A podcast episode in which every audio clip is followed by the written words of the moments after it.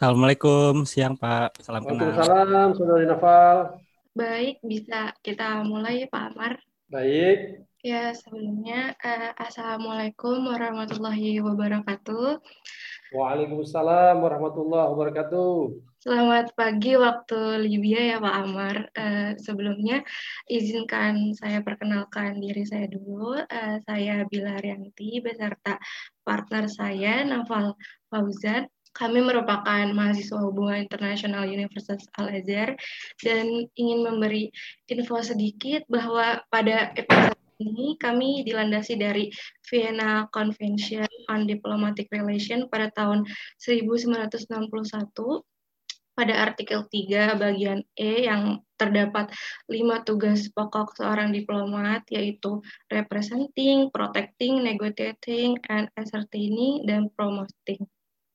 Dan podcast ini juga ingin membahas dua poin dalam tugas pokok diplomat tersebut, yaitu representing dan promoting. Maka daripada itu, Alhamdulillah kami mendapat kesempatan untuk mengundang Bapak Amar, seorang diplomat yang sekarang sedang bertugas penempatan atau posting di Tripoli, Libya. Dan juga kami ingin mengucapkan terima kasih banyak kepada Bapak karena telah bersedia menjadi narasumber untuk podcast saya yang bertujuan untuk memenuhi tugas akhir ini dan juga berkenan untuk meluangkan waktunya di hari Minggu. Eh, apa kabar Pak Amar beserta keluarga di sana? Alhamdulillah kami baik-baik saja. Semoga demikian yang ada di sana. Eh, Alhamdulillah keadaannya baik ya Pak Amar.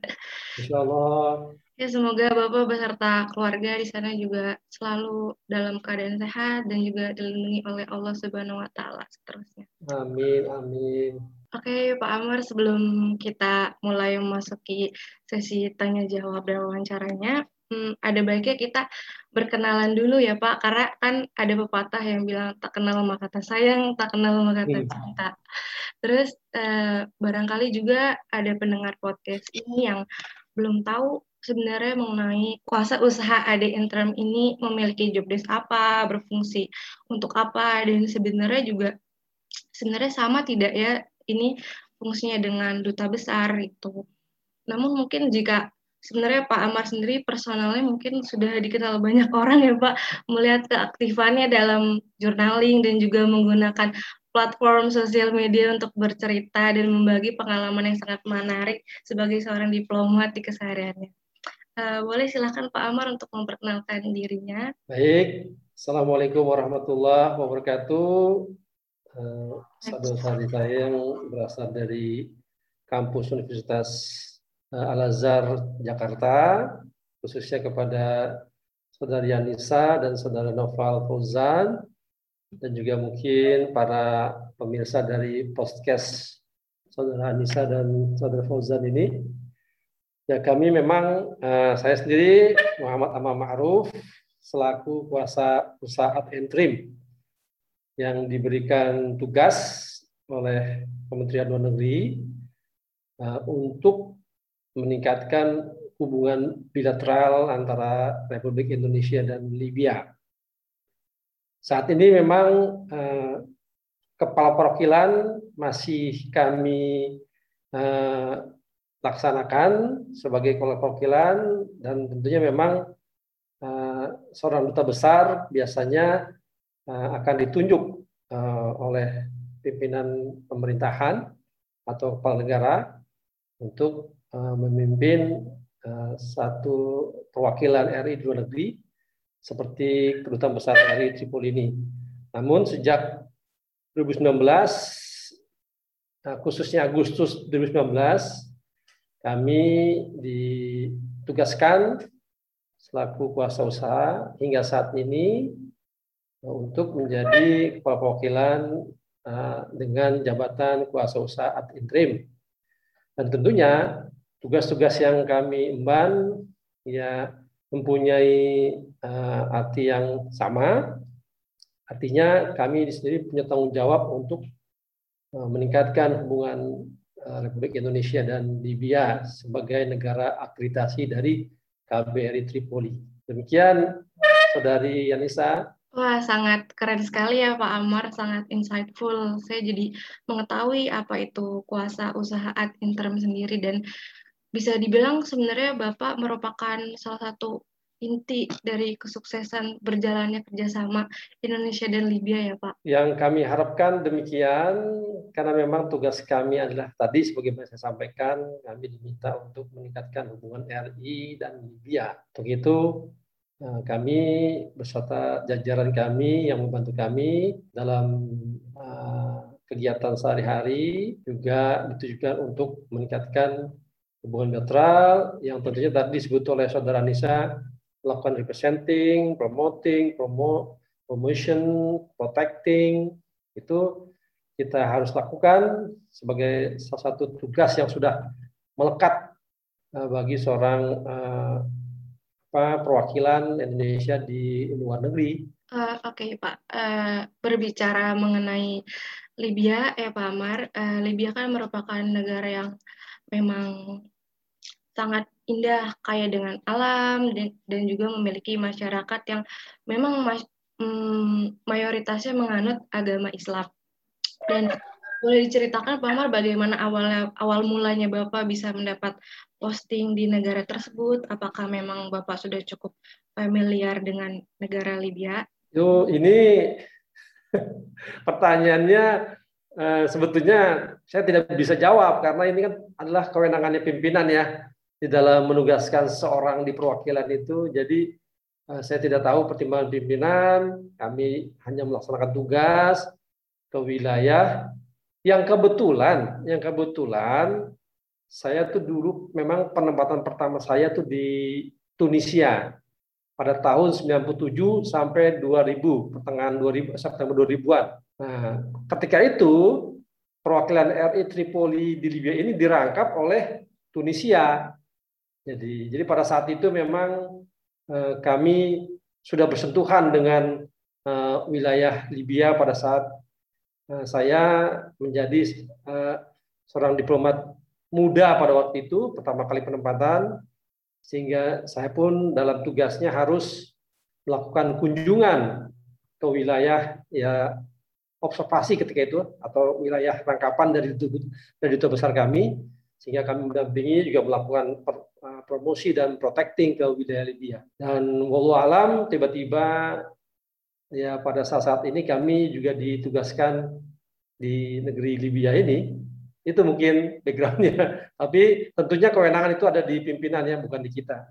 Demikian Bu Ani, uh, Saudara Nisa. Iya, terima kasih Pak Amar atas jawabannya. Mungkin memang karena Pak Amar juga sudah berkompeten mungkin di negara Timur Tengah, makanya uh, ditempatkan di negara Libya sekarang. Uh, kemudian uh, mengenai hubungan diplomatik Indonesia dan Libya ini, memang seperti yang kita tahu bahwa sudah terjalin cukup lama, yaitu sejak tahun 1991 Uh, dan juga pada tahun 2003 Presiden Indonesia pada saat itu uh, masih Ibu Megawati sempat berkunjung ke Libya, kemudian juga dibalas kunjungan oleh Bapak uh, Muammar Gaddafi pada tahun 2004. Nah, namun uh, sayangnya masih banyak masyarakat dan mungkin mahasiswa hubungan internasional yang lain belum tahu mengetahui mengetahui bahwa Indonesia ini masih menjalin hubungan diplomatik uh, dengan Libya terutama di dalam bidang kebudayaan. Uh, dan padahal menurut kami sendiri juga pasti menurut Pak Amar juga Libya ini seperti hidden gem gitu yang sangat amat berpotensi untuk menjalin kerjasama dengan Indonesia karena melihat Libya sendiri merupakan negara yang kaya dengan budaya sama seperti uh, Indonesia. Uh, kita bisa lanjut pertanyaan pertama ya Pak Amar. Uh, jadi bagaimana seorang kuasa usaha ad interim ini membina sekaligus meningkatkan kerjasama dan hubungan bilateral antara Indonesia dan Libya, khususnya di dalam bidang kebudayaan? Hmm, pertanyaan yang sangat baik sekali dengan pendahuluan yang juga sangat uh, cukup lengkap dari saudara Nisa ini terkait masalah hubungan RI dan Libya. Betul, kita sejak 91 punya komunikasi bersama untuk pembukaan hubungan diplomatik antara kedua negara, lalu berkembang menjadi pembukaan kantor perwakilan dan dia penunjukan seorang perwakilan. Dan pada dasarnya eh, kerjasama Indonesia Libya itu sudah cukup besar ya, cukup banyak ya. Antara lain juga di bidang energi, di bidang eh, budaya juga, ya. Namun memang eh, dikarenakan situasi mungkin eh, sehingga eh, khususnya Libya tidak memperlihatkan eh, kerjasama yang memang sudah kita buat dikarenakan uh, wilayah Libya sendiri uh, masih menghadapi rekonsiliasi nasionalnya. Namun kita tetap apa yang tadi uh, kami sampaikan, kita diberi kewenangan untuk terus membina hubungan dan kerjasama dalam kaitan ini uh, hubungan kerjasama budaya salah satunya. Dan ketika kita ditanya bagaimana kita meningkatkan hubungan budaya, yang perlu kita perhatikan adalah pertama kita selaku negara atau perwakilan dikirim atau orang yang dikirim ke suatu negara, pertama yang harus kita katakan adalah kita harus menghormati dulu, menghargai dulu budaya, perilaku yang memang sudah berkembang di wilayah negara akreditasi ini. Dari sikap tersebut, dari sikap saling menghormati itu kita coba kembangkan lagi untuk lebih mengenal eh, dengan tentunya membuat satu program yang sifatnya praktis. Artinya praktis ini adalah yang kedutaan besar RI bisa lakukan secara langsung dengan beberapa lembaga terkait, baik itu lembaga yang uh, sifatnya pemerintahan maupun yang non pemerintahan. Jadi Eh, kaitan ini pertama harus kita camkan dulu sikap harga menghargai itu saling menghormati terhadap suatu budaya orang lalu kita buat satu kegiatan praktis yang bisa menjadi platform kerjasama ke depannya. Nah, itu uh, awalnya bagaimana kita harus membuat satu uh, hubungan menjadi satu kerjasama ke depannya kita harus buat tatanan awal dulu yang sifatnya bisa kita lakukan sehari-hari. Uh, artinya kita bisa buat secara langsung dengan pihak-pihak setempat terkait masalah budaya ini. Dan budaya itu banyak nantinya. Nah, budaya itu bisa menyangkut masalah perilaku budaya dalam kemasyarakatan, ilmu pengetahuan, dan juga eh, hal-hal teknis yang memang lahir dari perilaku baik masyarakat tersebut gitu.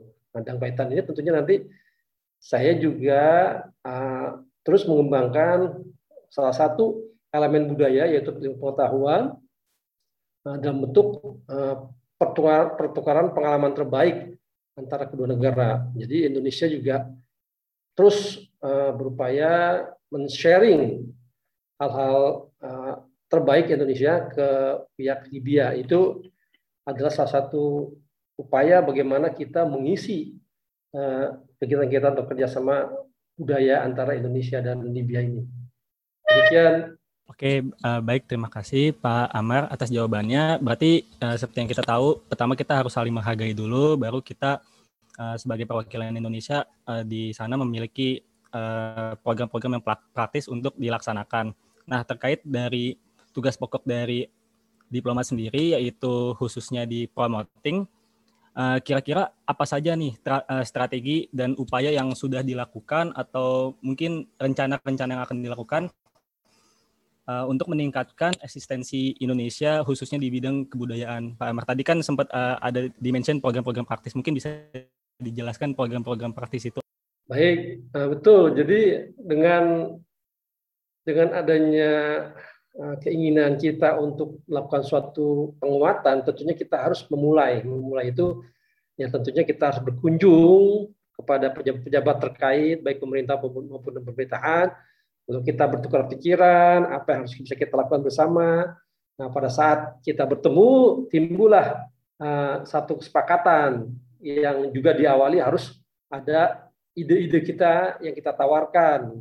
Nah, antara lain kita coba bikin satu kumpulan buku budaya bersama antara Indonesia dan Libya dalam bentuk uh, joint publications.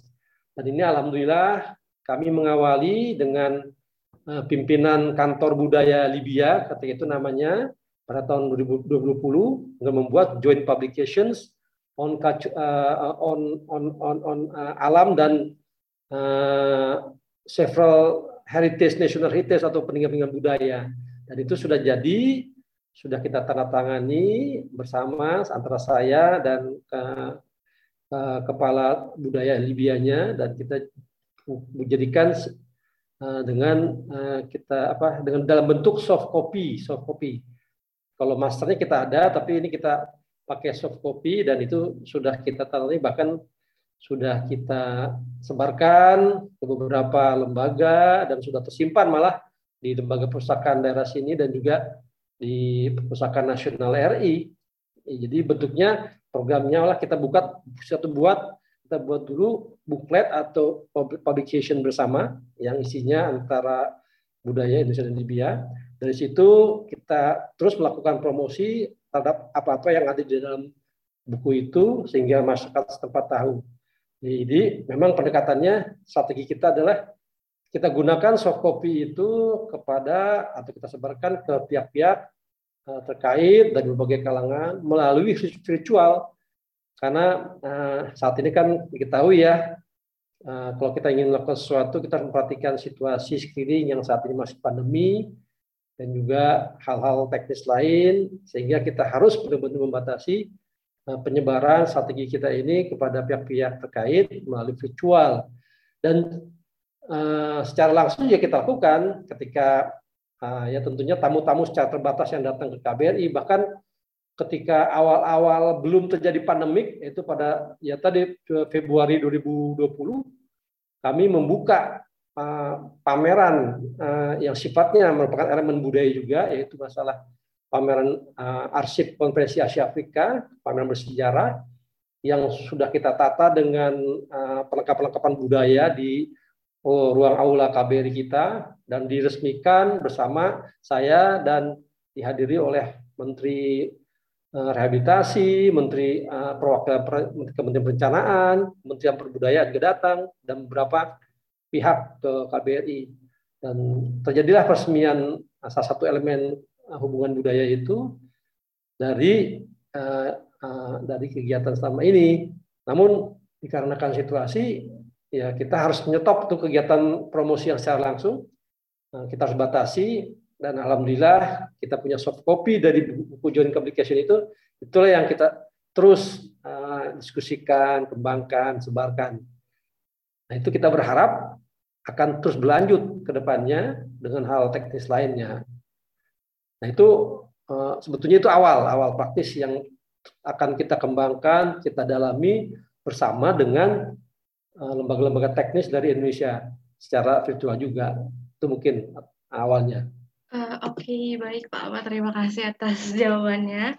Tadi juga sempat dimention bahwa banyaknya kesempatan pertemuan bertukar kebudayaan Indonesia dengan Libya melalui soft copy yang tadi disebutkan.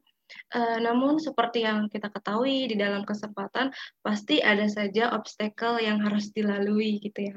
Dan apakah uh, terdapat faktor yang dapat menjadi tantangan terbesar di dalam diplomasi kebudayaan Indonesia di Libya selama Bapak Amar menjabat dan apakah uh, sulit gitu menjalankan diplomasi budaya ini dalam kondisi sekarang yang di mana dunia memang sedang dilanda bencana pandemi COVID-19 dan semua ini serba tadi yang seperti uh, Bapak Amar bilang dilaksanakan secara daring atau virtual. Betul, uh, kita sadari bersama ya bahwa saat ini tantangan kita ini udah nyata khususnya dari pandemi ini sehingga eh, kegiatan-kegiatan yang seharusnya kita bisa langsung lakukan secara langsung, secara offline, kita harus batasi. Namun tantangan itu kita atasi, kita kurangi dengan ya tadi hubungan virtual ini. Kita perbanyak hubungan virtual. Eh, kadang-kala kita pakai hibrid dengan melihat situasi dan kita hubungkan eh, para pelaku teknis di pihak Libya maupun di Indonesia. Kita saling bicara masalah lebih teknis lagi, masalah budaya yang terkait dengan pengetahuan, terkait pemberdayaan masyarakat, yang awal-awalnya misalnya adalah tadi bahwa elemen-elemen budaya itu kita kembangkan. Jadi eh, budaya-budaya yang kita temukan di Mediterania budaya-budaya sebetulnya budaya yang sangat guyup ya.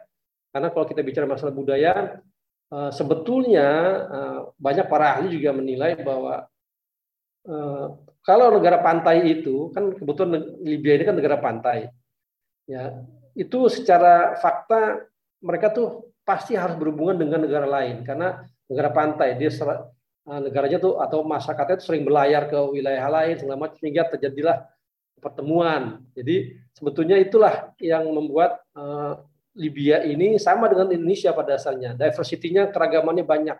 Karena wilayah-wilayah ini wilayah yang terbuka antara satu dengan lain hanya di uh, di dikeliling atau di apa tuh bukan dipisahkan. Karena kita melihat kalau laut dari sisi budaya adalah sebagai jembatan.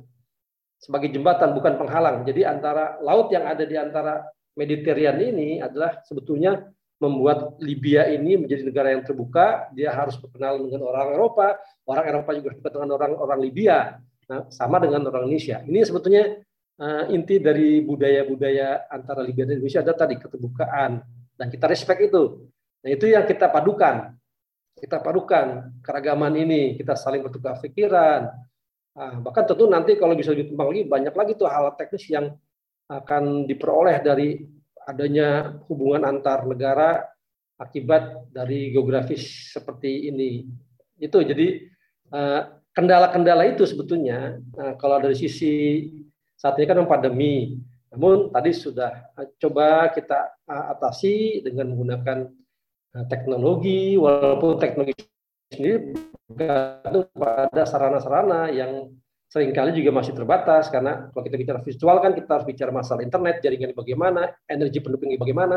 Ini juga uh, belum maksimal karena dimaklumi ya tantangan itu kita hadapi apabila kita bicara mau bicara virtual kita harus juga memperhatikan jaringan internetnya bagaimana, apakah listriknya stabil atau enggak. Nah, ini memang kita hadapi karena di tadi Libya memang belum begitu uh, sempurna dalam hal infrastrukturnya karena uh, di Eh, dampak dari konflik itu.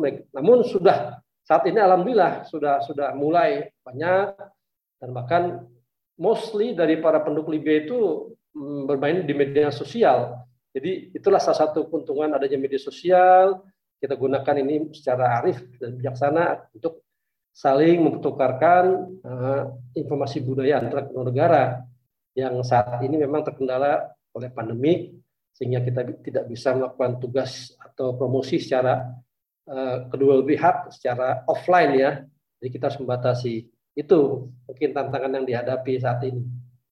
Oke, terima kasih atas uh, jawabannya uh, Pak Amar. Berarti uh, seperti yang kita tahu kan memang dari kondisi yang dari kondisi Libya yang saat ini uh, tantangannya juga dapat dari infrastruktur online ya dari kita harus memaksa diri kita melakukan semuanya serba online di masa pandemi ini dan juga uh, itu menjadi obstacle-obstacle yang terdapat uh, dalam uh, implementasinya.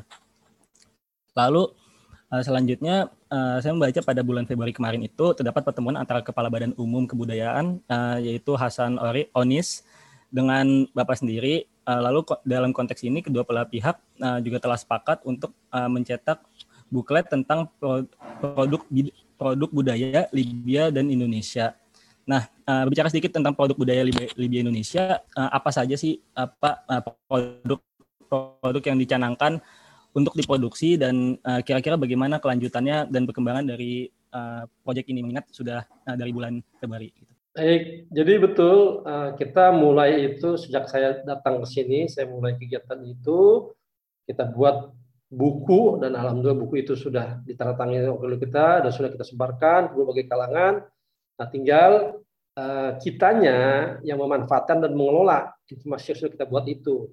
Kita kelolanya secara berbarengan, secara uh, bekerja sama dengan pihak setempat, dengan pihak pemerintahnya, dengan pihak non lembaga non pemerintahan, dengan lembaga-lembaga profesional, dengan dengan kalangan-kalangan muda, kita lakukan hal-hal yang terkait dalam buku itu gitu. Karena budaya itu kan banyak ya unsurnya banyak. Jadi budaya itu ada perilaku yang positif yang harus kita pelihara bahkan kita kembangkan dan saling kita perkenalkan. Nah sebagai saya sampaikan tadi eh, elemen budaya itu banyak. Sisinya ilmu pengetahuan masalah pemberdayaan masyarakatnya. Nah ini yang kita gali terus kita kembangkan terus agar komunikasi budayanya terus berjalan dalam bentuk-bentuk yang lebih teknis di dalam apa penyebaran model terbaik misalnya pembudayaan masyarakat di bidang daur ulang. Nah, bagaimana kita memanage uh, kehidupan supaya uh, tidak tidak merusak lingkungan? Ini adalah budaya yang harus kita pelihara. Bentuknya kita lakukan kerjasama kerjasama penyebaran informasi terkait bagaimana uh, merecycle hal-hal daur ulang yang bisa bermanfaat lagi yang bisa mengurangi burden alam ini dari limbah-limbah yang sifatnya adalah tadi memelihara budaya yang sudah baik lalu kita kembangkan dan kita pelihara kita uh, jadikan modal untuk menjadi uh, model pembangunan berkelanjutan. Nah itu sebetulnya proyek-proyek yang uh, terkait dengan kerjasama budaya antara Indonesia dan dan Libya. Jadi tidak hanya tarian-tarian. Kalau, kalau kita kadang-kadang harus lihat juga bahwa Orang lihat budaya itu hanya tarian-tarian, tidak. Tapi industri-industri apa yang mendukung tarian itu? Misalnya, oh ketika orang orang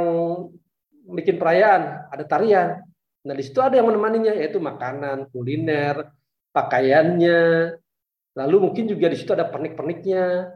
Nah, elemen-elemen itu yang kita kembangkan, kita kuatkan agar mendukung menjadi budaya makin kuat.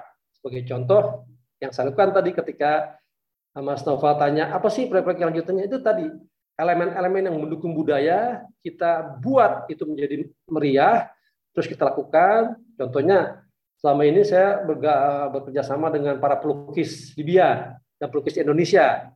Ayo kita lakukan kita pameran virtual, kita pameran virtual, lalu kita selingi dengan eh, budaya-budaya musik angklung kita. Dan juga eh, kemarin Hari Anak misalnya, ayo kita dukung kegiatan-kegiatan anak-anak ini saling virtual greeting, saling sapa, saling memberikan salam dalam situasi pandemi, pandemi ini. Nah itu. Lalu juga uh, masyarakat uh, kita yang aktif di dalam mendaur ulang, kita perkenalkan lagi ke ke masyarakat Libya bagaimana mendaur ulang. Karena di sini kan limbah plastik juga banyak. Pertama karena Libya itu adalah penghasil minyak penghasil minyak terbesar sebetulnya dan minyak itu adalah bahan utama plastik. Jadi kalau hanya orang berpikir minyak itu hanya untuk dibakar, tapi sekarang kan harus berpikir bagaimana menjadikan limbah minyak itu menjadi yang bermanfaat. Maka itu seandainya petrochemical itu adalah industri yang bisa merubah menjadi biji-biji plastik itu sebetulnya bahan bakarnya dari minyak, dari minyak yang yang tidak tidak tidak tidak berkelanjutan sebetulnya. Namun Inilah kenyataan dunia yang harus kita hadapi untuk mengurangi beban. Nah, upaya-upaya ini adalah mendukung terciptanya budaya yang sudah menjadi kearifan lokal atau bagian dari masyarakat biar tumbuh secara baik, saling mengerti, saling mengenal, bahkan lebih di, gitu kan, yang sehingga budayanya itu semakin eh, apa ya, semakin bermanfaat lah, bukannya malah bermanfaat tapi tidak ramah dengan lingkungan. Nah ini yang kita padukan. Bagaimana menciptakan budaya yang modern tapi juga tetap memperhatikan lingkungan. Nah, itu yang kita uh, kembangkan sebetulnya pengembangan dari proyek-proyek budaya kita itu. Itu mungkin Mas Noval. Uh, Oke Pak Ahmad, terima kasih atas penjabaran yang begitu bagus. Uh, kemudian uh, tadi selain buklet Indonesia Libya, pelukis Indonesia, saya juga uh, sempat sedikit meresearch perihal upaya-upaya KBRI Tripoli yang sedang aktif uh, mengaktifkan platform sosial medianya melalui YouTube. Saya melihat Pak Amar rajin sekali mengupload dan mengenalkan salah satu kebudayaan Indonesia yaitu angklung dan juga ternyata uh, ada masyarakat Indonesia yang uh, sedang melestarikan bambu kalau tidak salah ya. Nah, uh, melihat upaya yang sangat ekstra ini, bagaimana uh, respon atau feedback dari masyarakat Libya sendiri terhadap upaya diplomasi kebudayaan yang telah dilakukan? Apa apakah mereka sangat terkesan dengan kebudayaan Indonesia atau bahkan terdapat masyarakat Libya yang ingin mendalami kebudayaan Indonesia secara lebih? Baik. Uh, jadi betul sekali bahwa ketika ditanya apakah uh, budaya ini memberikan impact kepada masyarakat setempat, ternyata tadi karena masyarakat Libya adalah masyarakat yang terbuka, yang juga bisa mempelajari hal-hal yang mendukung aspek-aspek budaya seperti tadi. Angklung kan tuh aspek-aspek budaya. Lalu mereka juga berpikir bahwa angklung itu terbuat dari apa. Lalu ternyata ini juga membawa pemikiran eh, bahan-bahan bahan angklung itu juga ternyata bisa menjadi bahan-bahan lain, bahan-bahan bangunan segala macam. Jadi budaya itu bagi masyarakat Libya adalah suatu yang luas, komprehensif, yang bisa dikembangkan sehingga itu bisa menjadi kegiatan ekonomi, kegiatan seni budayanya, kegiatan uh, uh, tekniknya. Jadi itu kita dapati di di di di, di, di Libya ini. Nah, contohnya tadi uh, ketika kita bicara masalah pengembangan pengembangan pendukung dari kegiatan budaya itu, yang juga merupakan asli budaya itu, kita bisa melihat tuh hasil-hasil bambu yang sebetulnya adalah bisa dikatakan bahan-bahan Nusantara itu dikenal juga di, di Libya, bahkan jadi bahan bangunan yang mempercantik eh, bangunan-bangunan di Libya. Dan alhamdulillah saya sudah kemarin juga bertemu dengan salah satu pelaku usaha Libya yang berkecimpung di bidang bambu Indonesia ini, bahkan karya-karyanya sudah masih ada sampai sekarang. Uh, karena tapi karena ya situasi begini dia harus stop juga. Jadi uh, memang pandemi ini menjadi salah satu kendala buat uh, setiap pelaku usaha yang sebetulnya mempunyai pemikiran yang sangat luas dari aspek budaya-budaya eh, yang sebetulnya diperkenalkan oleh eh, eh, kita gitu baik baik ketika ada orang yang datang ke Indonesia Indonesia ke sana atau Libya ke Indonesia itu budaya-budaya itu terus dipikirkan oleh mereka sehingga menjadi kegiatan yang berkembang secara teknis baik itu di sisi perdagangan di sisi teknisnya seperti tadi ada tenaga ahli yang membantu pembangunan bambu eh, bangunan bambu di sini yang semuanya itu ada tadi eh, mendukung eh, kegiatan budaya yang sangat luas dimengerti oleh kedua masyarakat baik Indonesia pun Libya. Itu Bu Mbak Anissa. Oke, terima kasih Pak atas uh, penjabarannya, uh, atas pertanyaan yang tadi. Uh, saya jadi tertarik, uh, saya pribadi jadi tertarik uh, melihat dari apa upaya-upaya dari Indonesia yang diimplementasikan uh, budayanya uh, terhadap di uh, negara Libya ini. Uh, mungkin sekaligus pertanyaan penutup Pak, uh, kira-kira uh, sekaligus closing statement dari Pak Amar ini, kira-kira apa Pak uh, harapan, ekspektasi atau mungkin goals yang belum tercapai yang nantinya akan dicapai oleh Bapak dan juga staf untuk lebih bisa mengembangkan hubungan bilateral Indonesia dan Libya ini khususnya di dalam bidang uh, kebudayaan itu sendiri, Pak.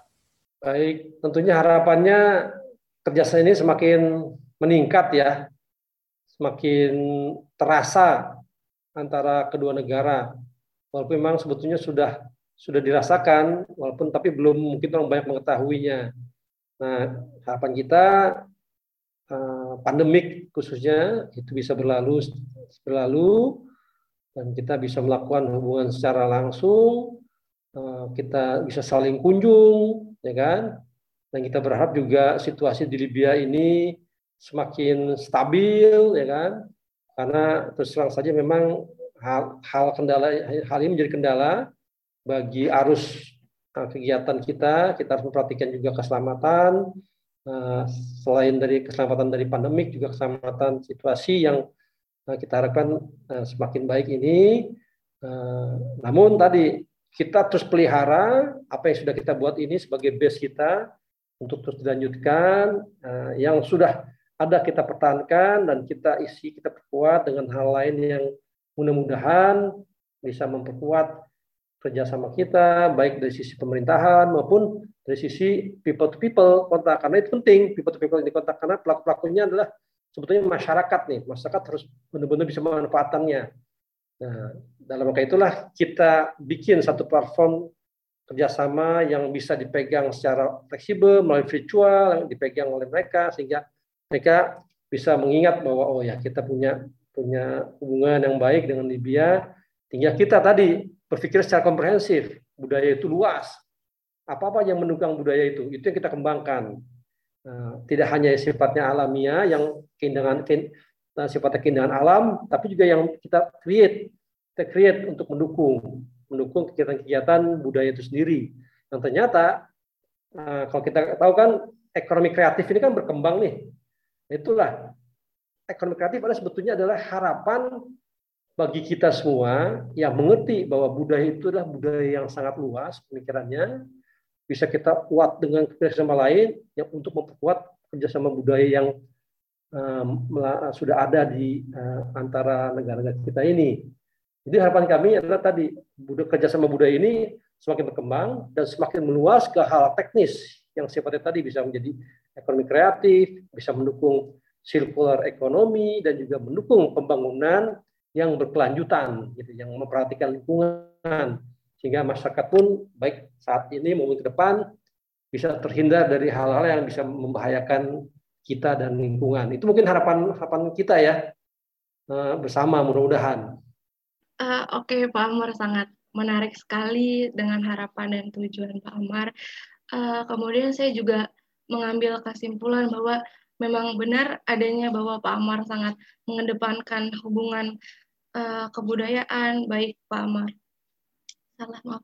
Mengedepankan ke mengedepankan hubungan kebudayaan. Saya juga sempat melihat Pak Amar tuh rajin sekali mengupload uh, tentang kebudayaan Indonesia di Instagram Pak Amar. Contohnya juga uh, mengupload kebudayaan Indonesia yang suka makan pecel lele. Waktu itu saya pernah lihat Instagram Pak Amar pakai masker pecel lele, sangat keren sekali Pak Amar. Uh, Oke, okay. uh, eh, terima kasih sekali lagi Pak Amar atas kesempatannya yang telah uh, diberikan untuk dapat mewawancarai Bapak. Terima kasih juga atas waktunya. Kami sangat berkesan dengan cerita pengalaman dan segala upaya yang Bapak telah lakukan untuk terus membangun kerjasama hubungan bilateral antara Indonesia dan Libya. Uh, semoga harapan yang tadi Bapak telah sebutkan dapat tercapai dan juga Indonesia dan Libya terus meningkatkan kerjasamanya. Baik, terima kasih uh, atas kesempatannya ya, Saudari Anissa dan Saudara Noval. Kesempatan yang baik ini saya bisa saling berbagi informasi. Tentunya kita berharap dan berdoa bersama. Pertama kita senantiasa selalu sehat di mana kita berada. Dan mudah-mudahan keberadaan kita juga bisa memberikan kebaikan buat uh, orang banyak. Mungkin itu kami mohon doa dari teman-teman di sana dari uh, pimpinan Universitas Al Azhar juga salam kami kepada mereka. Mudah-mudahan kita bisa silaturahim secara offline dan mudah-mudahan juga apabila situasi memungkinkan pimpinan uh, Al Azhar Jakarta bisa berkunjung ke Libya suatu saat apabila itu bisa di, di, diwujudkan insya Allah insya Allah tapi kita harus uh, salah satunya ini tadi adanya hubungan saya dengan Mas Noval dan Mbak Anissa ini salah satu hal yang sangat penting karena ini adalah memperkuat kerjasama people to people sendiri. Bahwa uh, dengan mudah-mudahan dengan tersampaikan informasi ini ada beberapa uh, kegiatan lanjutan yang bisa dilakukan pada saat mungkin terkait dengan warga negara Libya yang ada di sana ataupun program-program kunjungan dari pimpinan-pimpinan Al Azhar ke ke luar negeri misalnya agar bisa difikirkan bentuk-bentuknya apa. Apakah kerjasama pendidikan nantinya, kerjasama minimal kerjasama tadi hal-hal yang bisa memperkuat budaya Indonesia semakin kuat antara Indonesia dan Libya. Demikian mungkin, makasih Bu Mbak Anissa, Mbak eh, Mas Noval, sukses terus, mudah-mudahan sukses di dalam ber, belajarnya. Salam untuk juga orang tua masing-masing. Mohon maaf apabila banyak kekurangan ya dalam menjelaskan ini. Iya Pak, amin. Terima kasih sekali lagi ya Pak Amar. Dan uh, berhubung kita berdua adalah mahasiswa hubungan internasional, boleh Pak didoain semoga kita bisa mengikuti jejak Bapak menjadi diplomat. Amin. Alhamdulillah, mudah-mudahan, mudah-mudahan. Pertama, uh, uh, saya dorong, saya dorong karena Kemlu itu sebenarnya lembaga yang sangat terbuka ya. Mudah-mudahan uh, siapa pun yang uh, mengerti uh, tugas dan fungsi Kementerian Dalam Negeri, dia akan terlatih sejak awal, sejak mungkin sejak SMA-nya, sejak kuliahnya, untuk terus mendalami apa apa aja yang uh, diperlukan menjadi seorang pegawai uh, Kementerian Dalam Negeri.